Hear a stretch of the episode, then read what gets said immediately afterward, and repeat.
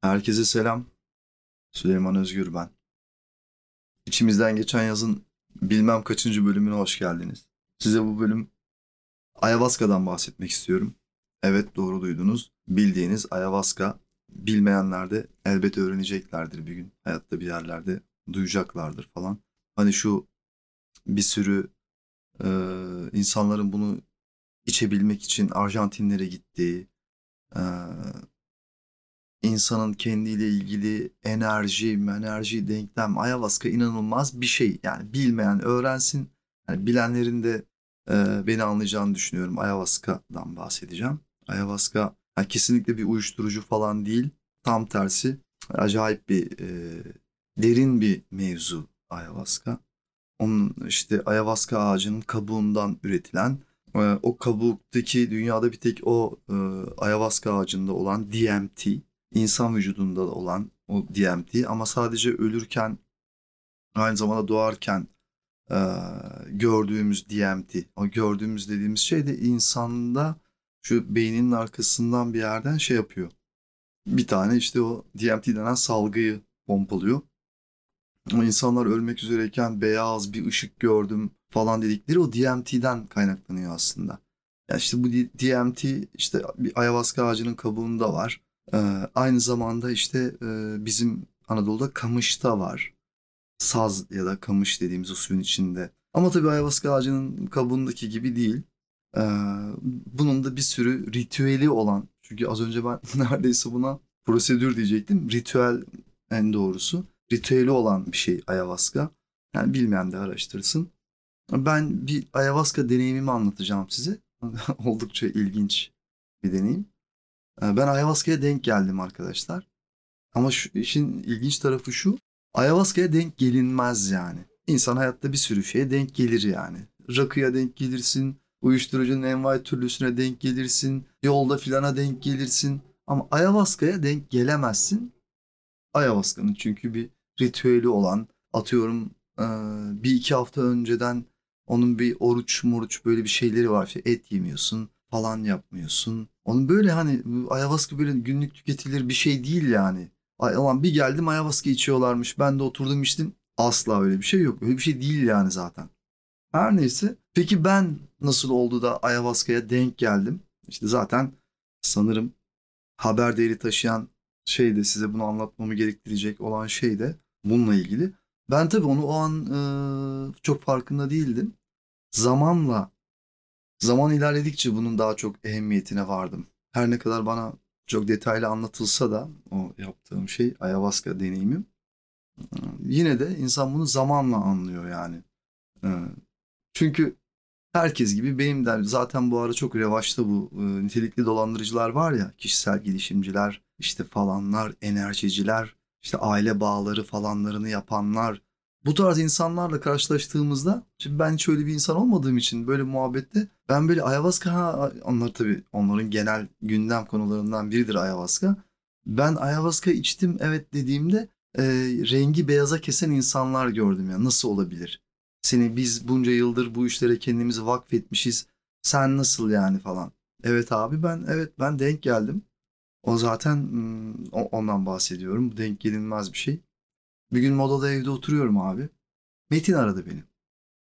Kardeşim ne haber? Metin de uzun zamandır görmüyorum. Metin aradı. Ne yapıyorsun falan mı? Evdeyim. Dedi ki yanına geleceğim. Gel dedim. Gündüz öğleden sonra bir gün. Sana dedi bir sürprizim var falan. İyi abi falan. Lan şimdi kapattık telefonu.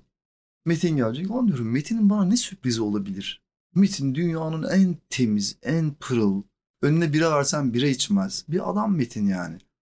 Neyse e, Metin geldi ve ben ayahuasca ile tanıştım. Çünkü Metin ayahuasca'dan önce Metin bana dedi ki yere diz çöktü bir rahip gibi. Hakikaten yerde oturuyor halının üstünde ben koltukta oturuyorum. Sarılık öpüştük adam yere diz çöktü. Niye öyle oturuyorsun ha dedim. Dedi ki moruk dedi ben dedi rahip oldum dedi. Ne rahibi oldun dedim ya. Din mi değiştirdin falan. Yok lan dedi öyle değil dedi. Ayahuasca rahibi oldum ben dedi. Ve bana başladı anlatmaya.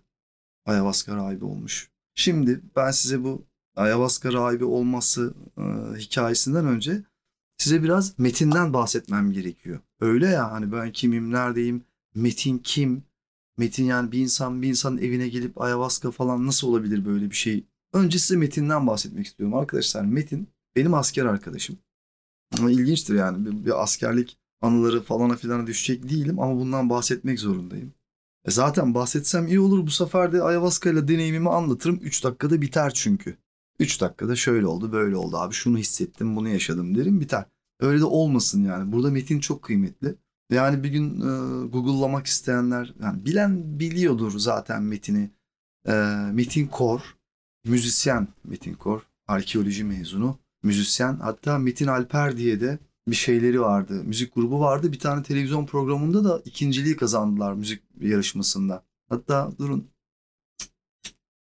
Size bunu anlatırken de e, Metin'in bir tane şarkısını e, bulabilecek miyim acaba? Bulurum zaten de. Şuradan açsam nasıl olur? Hmm, bir dakika bakayım. Neyse ben şarkıyı ararken bir yandan da size şeyden e, bahsedeceğim. Hmm, yani Metin'le nasıl tanıştığımıza. Evet Metin benim asker arkadaşım. E, orası da gayet e, ilginç bir mevzu. Şimdi arkadaşlar ben askerden yaklaşık 10 sene kaçtım. Benim jenerasyonumun bir travmasıydı. İşte okuldan atıldım. Öyle oldu, böyle oldu. Kaçak dolaştım. Orada da başıma bin tane şey geldi ama en sonunda ee, şey yaptım. Hani gittim dilekçe verdim artık askere gitmek istiyorum diye. Kısa dönem 325. kısa dönem. 325. kısa dönemde benim şansıma belki de tarihin en yoğun kısa dönem askerinin gittiği dönem. Şimdi şey diyeceğinizi tahmin ediyorum yani askerlik anısı mı? Askerlik anılarımı bir ayrı anlatacağım. Bunları niye anlatacağım? Bir de benim gözümden görün, dinleyin diye. Yani gerçekten benimkisi e, bir benim askerliğim Peter Sellers komedisi gibiydi çünkü. Gerçi insan bunu içindeyken fark etmiyor da dış yani dışına çıktığı zaman daha net anlıyor. Kendime de en çok kızdığım şeylerden bir tanesi o. Bazen bu komedileri içindeyken tadını çıkaramıyor insan. Üzerinden geçtikten sonra fark ediyorsun. Ulan aslında kendime ne sıkıntı yapmışım, ne kadar da komikmiş falan dediğin şeyler. Her neyse. Tabii abi ben e, askere 10 sene kaçıp gittikten sonra askerlikle zaten askerlik dediğin şey de ilk 3 gün sıkıntılıdır. 3 gün bir ne oldum, nereden geldim, nereye gidiyorum bir geri zekalıya bağladığım bir an vardır. Bütün erkeklerin geri zekalıya bağladığı bir ilk 3 gün var. Tabii ben de onu yaşadım. Ama 3 günün sonunda şu oluyor. Hani sanki 15 yıldır da oradaymışsın hissine kapılıyorsun. Öyle de bir durum var yani.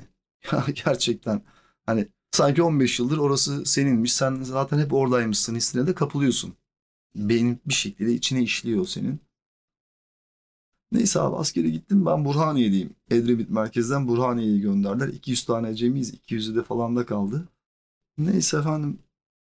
Ee, burada ee, her neyse Gittik abi işte biz de herkes gibi. Yani herkes benim gibi ben de herkes gibiyim. Orada zaten o aynılaştıran bir durum var yani. Bilmiyorum eşitlik olarak bakarsanız eşitlik midir? Evet öyle de görülebilir. Herkes bir anda eşitleniyor ama şu gözlemimi de söylemek zorundayım. İlginç olan o depoya giriyorsunuz. Herkese böyle yeni kostümler veriliyor. Kostüm, üniforma işte. Herkesi yeşil, kamuflaj böyle tiril tiril her şeyiyle beraber giyip dışarı çıkıyor. Ama işin ilginç tarafı aynı kostümü giydiği halde Zengin yine zengin, fakir yine fakir abi. Çok ilginç yani. Adama bakıyorsun hakikaten gariban. Aynı kostüm var üzerinde. Öbürüne bakıyorsun hakikaten okumuş falan. Belli ediyor yani da zengin yani. O çok ilginç bir detaydı.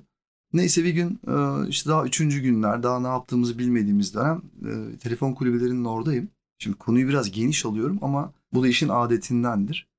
Hmm, orada telefon kulübeleri var. Böyle 8-10 tane. Telefon kulübelerinin şöyle bir esprisi var. Eğer sen o telefon kulübesinden birini ararsan orada telefon numarası çıkıyor. O telefon numarası aranabiliyor. Yani telefon kulübeleri aranabiliyor. Yani üzerinde telefon numarası yazmıyor ama aradığın cep telefonuna numara düşüyor. Böyle de bir olayı var. Yani bu önemli bir detay diye bahsediyorum. Her neyse bir işte içtima toplanacak falan olacak. Bir şeyler oluyor. Bir aksiyon var orada bir koşuşturma. Bir tane biri bana dedi ki Moruk dedi beklesene dedi ya bir telefonla konuşacağım dedi. Yani birlikte yürürüz dedi. İçtima alanında da yavaştan böyle bir toplanma çağrısı var. Ee, o saatler. Ben de bekliyorum. Çocuk telefonla konuşuyor. Bilmiyorum kim uzakta. Telefonun başında sigara içerken bir an aklıma şey geldi. Eski kız arkadaşım.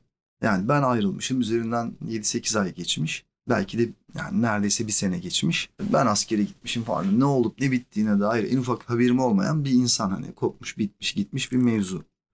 Her neyse aklıma e, o geldi tamam mı? Yani şu o şu şekilde geldi. Rüyamda onu gördüğümü hatırladım ve çok kötü gördüğümü. Ben zaten doğru düzgün uykuda uyu- uyuyamıyorum da koğuşlar falan saçma sapan. Böyle içimden dedim ki Allah Allah dedim ben dedim onu niye kötü gördüm ya bu kadar. Dedim bir arasam mı acaba? Yani böyle çok da böyle şey işte kendi başıma iş alacağım ya. Arasam mı acaba diye bir tribe girdim. En numarası aklımda o dönem. Daha işte 7-8 ay olmuş biteli. 2 yıldır falan 2 yıl falan birlikteydik. Lan dedim arayayım dedim ya. İnsanlık öldü mü yani? Belki de gerçekten kötü durumda. Ben ne yapabilirim ayrı da. Ama bunu belirtiyorum. Tamamen insanlığımdan yani. Aradım abi. Aradım bu. Ha, alo falan dedim. Alo falan böyle. Bir, bir tavır bir şey. Ha, ne haber falan. İyi senden ne haber falan. Böyle bir öyle bir tavır var ki. Yani bu sanki biz ayrılalı bir sene olmamış da yani dün olmuş gibi bir tavır, salak bir tavır. Ben de söylemedim. Yani otomatikman.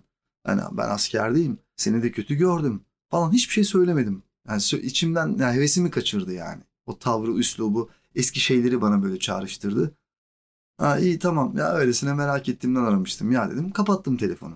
O arkadaş hala telefonla konuştuğu için beklemeye devam ediyorum. Abi benim konuştuğum telefon kulübesi çalmaya başladı. Zırırın zırırın. İçimden dedim ki lan dedim bu telefon bana. Demek ki dedim o az önce konuşamadı belki. Belki de konuşamadı konuşmak istedi. Belki de vicdan yaptı. Değil mi yani olabilir yani hemen aklımda bir sürü şey kuruyorum. Belki de vicdan yaptı. Belki hakikaten kötü durumdaydı. Belki bana bir şey diyecek falan. Telefonu açtım. Açtım. O yani o eski kız arkadaşım. Alo alo. "E, Sen beni niye aradın falan. Ya dedim işte aradım derken abi telefonu bir tane erkek aldı. Meğer yeni sevgilisiymiş. Zaten ben aradığımda yanındaymışmış falan. Neyse çocuk aldı telefonu. Hiç hayatım boyunca görmedim. Bir daha du- yani duymadım da bir eleman. O an oluyor bu. Abi eleman bana bir küfür etmeye başladı. Ben daha hiç, ben hiç kimseye de onlara da askerde olduğumu falan da söylemedim ben bu arada. Eleman askerliğimden girdi. Öbür taraftan çıktı abi. Aa, hani gariz küfür. Oo ana avrat düz gidiyor. Herif sol şeritte yani bana. Yağıyor yani. Neler diyor aklına geleni söylüyor Kamil yani. Sövdü sövdü sövdü sövdü. Ben şey demedim. Abi sövdü sövdü sövdü sövdü bir sürü şey. Ben sonra ve bütün sakinliğim ve metanetimle elemana dedim ki ya kardeş bak dedim ben dedim senin ilişkin beni bağlamaz. Ben dedim bu sebepten aramadım. Eğer dedim o dedim senin sevgilin bana e, deseydi ki niye aradın? Ben ona niye aradığımı söyleyecektim dedim. Ama sağ olsun dedim. Ben bu yüzden dedim hani çok kötü bir rüya gördüm. Ha, merak ettim. Hepsi bu dedim ya. Bitmiş gitmiş oğlum dedim hani. Neyin peşinde olacağım ki dedim yani bu saatten sonra. Hani ben dedim çocuk muyum ama 30 yaşında askere gitmişim ben yani. O da orada beni bekleyen kınalı yapınacak sevgilim değil ki. Yani hiç öyle bir şey yok yani.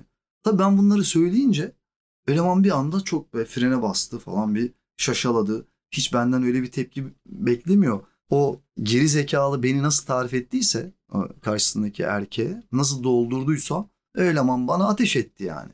Ben bunları söyledim eleman özür dileyecek oldu. Ya dedim yok yok dedim boş ver dedim. Hadi dedim kendinize bakın telefonu kapattım. O arada bağırışmalar, çağrışmalar, ıslıklar, düdükler falan içtima alanına gittik. Ben de kendi sırama girdim. Ee, 200 kişiyiz zaten kısa dönem. Ee, orada 200 kişiyiz. 50'şerli dörder gruptan bir grubun 5. sırasında bir yerdeyim yani. En kenarda. Abi ben sinir krizi geçirmeyeyim mi? Zoruma gitti elemanın söyledikleri yani. Zaten hani kendim de çok stresliyim. Ya zoruma da gitmez normalde yani. Yani anladın mı? Ben de ona söverim falan ama sövmedim. Herhalde psikolojim de çok bozuk. Hep diyorum ya altını çiziyorum. Üçüncü gün de oluyorsa ilk üç gün dediğim şey. Ben abi bir başlarsın ağlamaya. Benim dizlerimin bağı çözüldü. Yani sinir krizi geçiriyorum yani. Şey, içtima alanında. Ben dizlerimin bağı çözüldü. Arkamdaki e, askerle, elemanla yanımdaki eleman benim koluma girdiler. Hemen beni oradan götürdüler yani. Hemen sürüyüp beni götürdüler. Elimi yüzümü yıkadılar falan filan. Bunlardan işte bunlardan benim yanımda duran Metin, arkamda duran da Cumali. E tabii şimdi çok samimi olduk otomatikman. Bu üçlü. O atıyorum 3 hafta boyunca ya da 4 hafta diyeyim. Üçüncü gün oldu bu. Biz sürekli yan yana dolaştık yani. Çok samimi olduk. Ee, Metin arkeoloji mezunu falan ama aşırı derecede sufi bir elemandı. Sufilik boyutunda yani Müslümanlığın felsefi boyutuna geçmiş. Ee, o level'da bir Müslüman. Cumali zaten ilahiyatçı. İmam yani Cumali. Ben de ateist adamın tekiyim ya. Kadroya bak yani. Çok acayip bir kadro oluşturduk. Ben full inançsız, bir tanesi Sufi, bir tanesi zaten ilahiyatçı yani. Üçümüz de kısa dönemimiz. Ha, o kadar biz çok samimi olduk. Ama onlarla samimiyetim yani Metin'le samimiyetim o dört haftalık süre boyunca zaten usta birliği döneminde ayrıldık yani. Ama Metin'le hiç kopmadık. Metin Metin çünkü bir Ankara, bir Eskişehir, bir İstanbul takılan bir herifti yani müzik yapan bir yandan. Ama dünyanın en güzel, en saf, en temiz, konuşurken insanı rahatlatan acayip bir adamdı Metin yani. Onun, yani bu e, birazdan size yani bunun Metin'in e, benim en sevdiğim şarkısını dinleteceğim yani finalinde. Hmm, Metin sonra e, arkadaşlar aradan yıllar sonra Metin kayboldu diye bir haber geldi. Sonra Metin'in ölmüş bedenini kamp yaptığı çadırdan işte bir yaklaşık 100 metre ileride falan buldular. Bu askerlik olayından yaklaşık 10 yıl sonra falan oluyor ama. 3-4 hmm, sene önce. Metin Kor diye yazıp bakarsanız bunlar yani ilginizi çekerse görebilirsiniz. Tabii insanlar öldüğünü falan söylediler ama ben Metin'in ölmediğini biliyorum yani. Çünkü bu ayahuasca denkleminde Metin muhtemelen uzadı yani. Vücudu orada bıraktı gitti abi. Ama olay hani Metin özelinde böyle yani. yani. Bana hiçbir zaman Metin ölmüş gibi gelmedi zaten yani. Metin çünkü o level'a kafa olarak geliyordu yani. Zaten oralardaydı. Her neyse. Biz Metin'le samimiyetimiz devam etti. Bu Cumali ile de devam etti. Hala Cumali ile arada bir görüşüyoruz. En son Kayseri'de görev yapıyor. Antep'te görev yapıyordu. İşte bir Metin'i kaybettiğimizde bir konuştuk Cumali ile. Başka diğer asker arkadaşlarım var mı? Şöyle var hani hala hazırda görüştüm.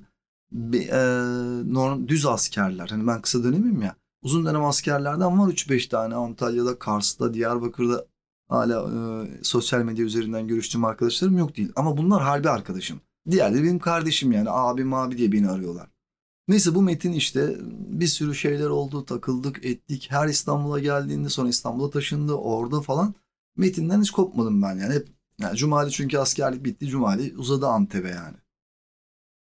Her neyse bu metin gittikçe level açtı işte yani. Zaten sufiydi adam. Yaptığı müziklere falan da yansıyordu bu. Ben bunun sonunda size dinleteceğim müzik tam onun sufiliğine denk gelmez ama Alper denen oğlanla beraber yaptığı işlerden bir tanesiydi. Yani ben dinlemenizi tavsiye ederim yani. Bir kafası var yani herifin.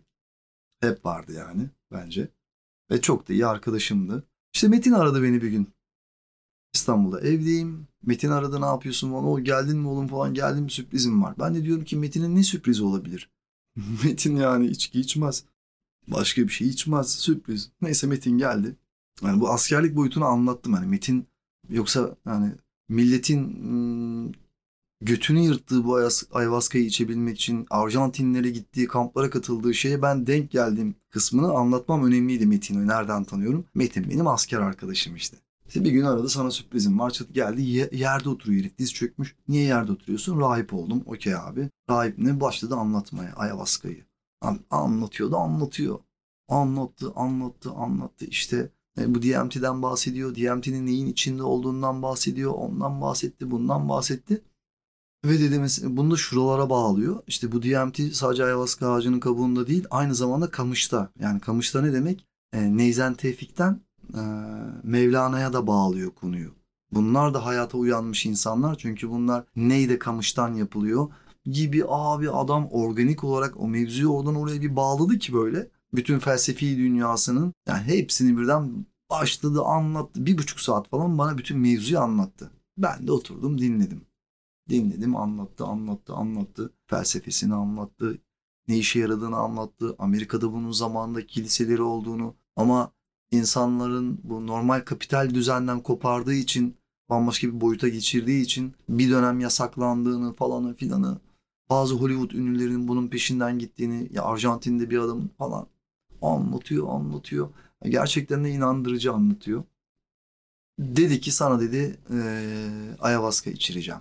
Nasıl dedim bana ayahuasca içireceksin lan? Evet dedi abi ayahuasca içireceğim dedi. Sen dedim nereden edindin? İşte bu rahip olduğu için Arjantin'den oradan başka bir rahiple bağlantıya geçmiş. Bu ayahuasca kabuklarından, ağaç kabuklarından ayahuasca'nın getirtmiş. Getirttiği e, kabukları damıtmayı öğrenmiş. E, damıttıktan sonra da bunu beyaz bir toz haline getirmiş. Yani bir buçuk saat felsefeden sonra böyle bir tane eski model fotoğraf film kutusu gösterdi böyle sarı renkli. İçinde beyaz bir toz var. İşte bu dedi. Açtım baktım. Koktum, kokusu falan da yok. Beyaz böyle unumsu bir toz. Sen dedim bunu nasıl yaptın? Ben damıttım dedi ağacın kabuğunu dedi. Onun da yöntemini anlattı falan. Ya arkadaşlar mesela bu metin olmasa bana kimse öyle bir şey içiremez. Ama metine o kadar güveniyorum ki inanıyorum yani adama. Şimdi sana dedi bundan içireceğim dedi yani. Sen içmeyecek misin? Yok dedi ben içmeyeceğim. Ben dedi seni izleyeceğim dedi. Ben, lan dedim denek maymunu muyum oğlum ben? Ya dedi sen bana güveniyor musun? Evet tamam abi o zaman falan. Peki dedim nasıl içeceğiz? Evde dedi kova var mı? Kova mı dedim. Bana dedi bir tane kova bir tane pet şişe lazım. Lan dedim oğlum o kadar felsefesini yaptın dedim. Kova mı yapacağız yani dedim. Ya başka seçenek yok dedi. Normalde dedi. Tabii onu da anlatıyor. Böyle bir içme biçimi yok. Bilmem neyi yok. Bunun işte bir ritüeli var. E, oruç tutuyorsun, et yemiyorsun, sebze yemiyorsun. Ve bana o olaydan sonra da belki de 4 yıl, 3 yıl, 4 yıl yalvardı Metin. Ne olur bir hafta et yeme bana bir telefon et. Seni yani çünkü Metin İstanbul'dan e, ekipleri alıp Düzce'ye, Bolu'ya falan kampa götürüp bunu m, uyguluyordu yani. Herif harbiden rahip olmuştu yani. Şaka değil yani. Dedim kova mı yapacağız? Evet dedi. Neyse abi evet. Villada kovasını getirdim. Yarısına kadar doldurup ağzına kadar sehpanın üstüne koydum salonda. Bir buçukluk pet şişeyi alttan kestik. Tipik şey yapıyoruz yani kova. Alüminyum folyo var mı? Var abi falan. Neyse alüminyum folyo. Ee, alüminyum folyoyu da şey yaptım. Ee, ağzına gerdik. Deldik folyoyu. Nasıl tütün? Evet tütün de kırdık folyonun içine. Bu aldı tuzu bunun üzerine serpeledi. Tamam yaktım ben böyle. Ben yaktıkça koy, e, şişeyi böyle yukarı doğru çektikçe bembeyaz bir duman doldu böyle şişenin içine. Böyle ama nasıl beyaz yani ilginç böyle değişik bir beyazlık yani hayatım öyle bir renk görmedim. Yani beyaz ama inanılmaz yoğun bir duman. Kapağını açtım duman duruyor. Böyle bana bakıyor Metin. Dedim ki içiyorum. İç dedi. Bak oğlum dedim vuruyorum dedim. Vur vur dedi. Ne yapacağım dedim yani vurduktan sonra. Ya dedi sen iç baba. Ben bir koydum abi. Tek seferde bütün duman alayım dedim. Al dedi. Ben bir koydum abi şişeyi dibine kadar. Sonra oturdum böyle. Uzan dedi. Ben böyle sırt üstü uzandım. Gittim abi. Böyle bir şey yok. Hani ben e, e, benim içimden ben vücudum orada kaldı. E, ben benim içimden çıktım. Yani bunu ta, hani nasıl geliyor acaba duyan insanlar hani bilmiyorum ama bunu ben yaşadım. E, yani tabii şimdi buna ruh mu dersin, kim ne derse desin ama şunu yaşadım yani benim yani vücudum e, bir e, kütle olarak orada kaldı. Ben uzay boşluğu gibi bir yere yükseldim. Yani bir okyanusa böyle teğetten bakıyormuş gibi düşünün. Okyanus e, uzay boşluğunda dev, de ya sonsuz bir ışık enerji denizine gittim ben. Yani hakikaten sonsuz bir okyanusa böyle yataydan bakıyormuşsunuz gibi düşünün. Milyarlarca renk böyle rengarenk dalga gibi patlıyorlar. Böyle yanardağ gibi patlayanlar. İnanılmaz bir renk ve enerji denizinin içine gittim ben yani. Gittim başka hiçbir şey yok. Sadece enerji denizinin içinde böyle yani kendim ben de yokum. Ben de bir enerjiyim yani ama görüyorum da yani. Böyle bir okyanus yani artık sonsuzluğun içinde uzay boşluğunda bir ışık denizi. Ama sanki dışarıdan gelen sesleri de duyu, duyuyormuşum gibi. Yani bana böyle 3-5 dakika gibi geldi. Hani bir süre sonra böyle bir anda bitti kalktım böyle. Metin hiç kıpırdamadan beni izledi. Aynen diz çökmüş vaziyette. Dizlerin üzerine oturmuş. Elleri böyle şey dizinin üstünde bana bakıyor. E, ne oldu dedi. Ben böyle şey oldum adam. Ben dedim. Kalktım böyle oturdum. Ne oldu dedim. Ne ne oldu dedi. Bu mu dedim. Bu dedi işte. Oğlum dedim böyle böyle oldu. Evet dedi böyle öyle olması normal. Ama tabii o şeyi anlatıyor. Senin, bu işte uzun bir süreç. Ee, sen bunu çay olarak içeceksin o kampta. O çay olarak içerek bunu çay olarak içiyorlar. Kusma garantili. Ormanda temiz havada olman gerekiyor falan. Acayip bir ritüeli var. Sana dedi fragman gösterdim Murat ben dedi ki gerçekten ben fragman gördüm yani. O fragmanıymış yani. O Kastene Adalar falan var bu e, sosyolog araştırmacı Kızılderililerin içine gidiyor. E, 7-8 ciltlik bir kitap var. Kast, Kastene Ada mıydı? Onun da ismini tam hatırlayamıyorum. Yanılıyor da olabilirim. O adamın da deneyimlerinden öyle şeyler okumuştum. Adam da Kızılderililerle takılıyor. Böyle şeyler yapıyor. Adam diyor ki çadırın diyor duvarından diyor geçtim gittim diyor öbür tarafa. Bunu böyle anlatıyordu adam. Bu olan profesör. Ben de aynısını söylüyorum. Ben de vücudu bıraktım gittim abi yani. Şaka değil yani bastım gittim. Yukarı doğru uçtum gittim. Uzay boşluğu falan. İnanılmaz bir şey. Ama tabii ben ilk defa böyle bir şey deneyimleyince e, tamam mı diyorum. Şimdi sigara içebilir miyim diyorum. İç ya diyor. E, ne olacak şimdi diyorum. Abi diyor bir şey olmayacak. Bu işte diyor. Hani hep böyle alkol bile olsa bir şeyin tribi vardır ya insan hani o tribi bekliyor yani bir şey olacak mı? Yok. 15. Dedim ne kadar zaman geçti? 15-20 dakika arası. Oğlum dedim bana 3 dakika gibi geldi. Yok dedi 15-20 dakika arası dedi. Dedim ki çenem dedim şu koltuğumun altı dedim çok ağrıdı. Sen dedi çünkü direndin dedi yani. Direnmeyecektin dedi yani. Yani ben sana söylemeye çalıştım ama anlamadın dedi yani. Ve dedi insanda dedi bazı e, e, enerji noktalarının birleştiği yerleri söyledi yani. İşte e, şu çene bölgesi, işte koltuk altları, kasık gibi bazı bölgeler varmış işte insanın çakra demeyeyim de ona enerjisinin biriktiği yerler. Çenemin ağrıdığını falan hissettim ben. Bunlara da açıklamalar yaptı. Çünkü dedi odur budur falan filan.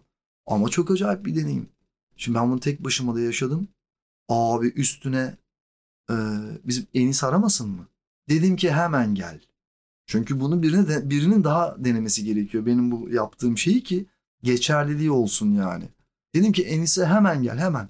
Ne oldu falan gel dedim birader. Enis geldi. Şimdi ben Metin'le Enis'i tanıştırmıştım. E, onlar da çok iyi anlaşıyorlar ama benleyken yan yana görüşüyorlar. Enis'e dedim ki mevzu bu kardeşim. Böyle oldu böyle oldu. Metin'e dedim ki e, onun içmesinde sakınca olur mu? Yok dedi. Enis'e anlattım. Enis de bana ben Metin'e güveniyorum. Enis de bana güveniyor. Dedim birader bunun tadına bakman lazım. Bu çok acayip bir şey oldu. Enis de aynısını yaptı. Enis de aynısını yaşadı. 15 dakika ben de Enis'i izledim. Aynı kendi yaptığım gibi. Enis de bana aynı deneyiminden bahsetti. Vücut dedi kaldı ben gittim dedi yani. Evet dedim abi ben de öyle bir şey. Ya orada şeye uyanıyorsunuz yani. Yani hep anlatıyor yani. Tesla da öyle söylüyor. Yani her şey titreşim. Her şey titreşim. Her şey bir enerji. Enerji, enerji. Evet abi her şey enerji yani. Ben bunu böyle bir spiritüelci gibi falan söylemiyorum. Ön bilici gibi de söylemiyorum. Ben bunu yaptım diye ben bu işin peşine mi düştüm? Hayır. Ama gördüm yani böyle bir şeyi. Bu gerçekten var böyle bir şey yani. Neyse Enis de deneyimleyince tabii çok şey oldu. Ben de mutlu oldum. İşte ise tek başıma olmadı böyle bir şey diye. Neyse aradan e, epey bir zaman geçti. Ben Metin'i görmedim. Ara ara görüştük. Sonra da Metin'in işte şey kaybolduğu haberi geldi. Marmaris'te mi? Marmaris değil de Kaş'ta mı bir yerde bir kamp yaparken kayboldu. Hatta ülke gündemine falan da geldi. Metin bana böyle bir deneyim yaşattı arkadaşlar. Daha sonra aynı gün otururken YouTube'dan da bu DMT'nin, ayahuasca'nın belgeseli varmış Amerikalıların yaptığı. Belgeseli izledik. Dedim ki belgeseli izledikten sonra oğlum dedim önce belgeseli izleseydik ben dedim bunu içmezdim yani. yani keşke dedim önce belgeseli izletseydin yani. Çünkü belgesel de çok inanılmaz yani o bu arada hani hiç bilmeyenler o DMT yazarak belgeseline de bakabilir yani. Yani herifler hastanede e, şeyleri topluyorlar abi. İşte bir kokainman, bir eroinman, bir alkolik falan böyle her türlü model adamı toplamışlar. Bunu deneyimletiyorlar. Yani bunu deneyen herkes benim dediğim şeye geliyor yani. Adamlar da aynısını söylüyor. Yani bunun nerede içtiğinin bir önemi yok yani. O çok acayip. Çünkü vücudun orada kalıyor yani. İster çöplükte iç, ister falan da iç. Fark etmiyor.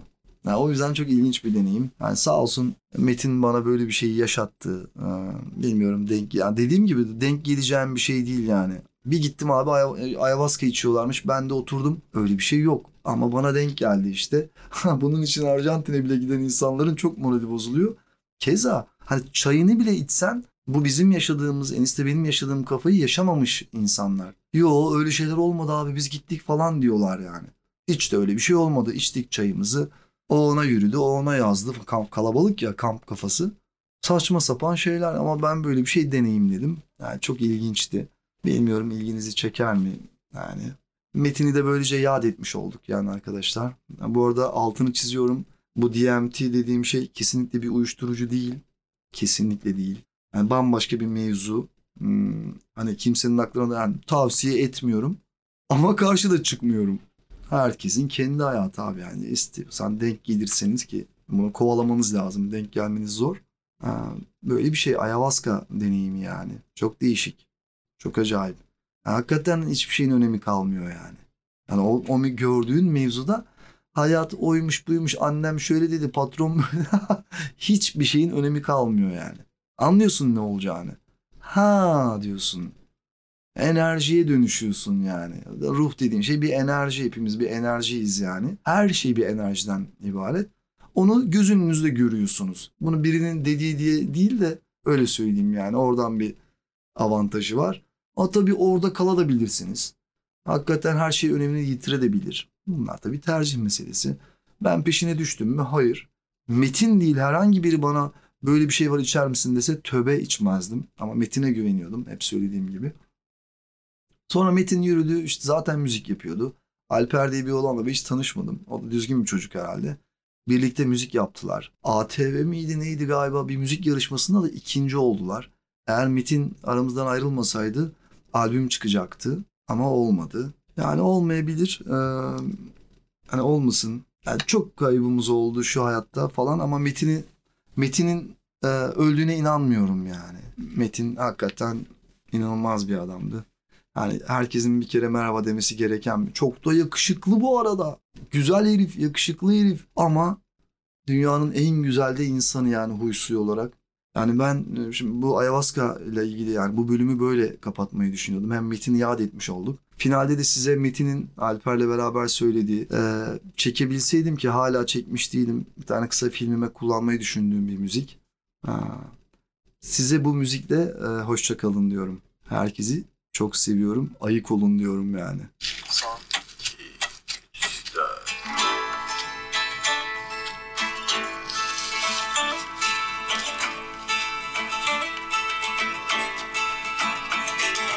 Hepsi senin yüzünden Hasta oldum sonunda Ben normal bir adamdım Aklı fikri başında İstesem de dönemem Eski günler uzakta Ben gittim kendimden Artık hep bir karmaşa. Bazen çok sıkılıyorum Tuhaf tuhaf takılıyorum. Sağdan soldan biri görse Adım çıkar diye korkuyorum. Delirdim ben sonunda Acı ama gerçek ortada. Ben normal bir adam Seni seviyorum lan Metin. Aklım fikrim başında. Değil ki Hmm, değil ki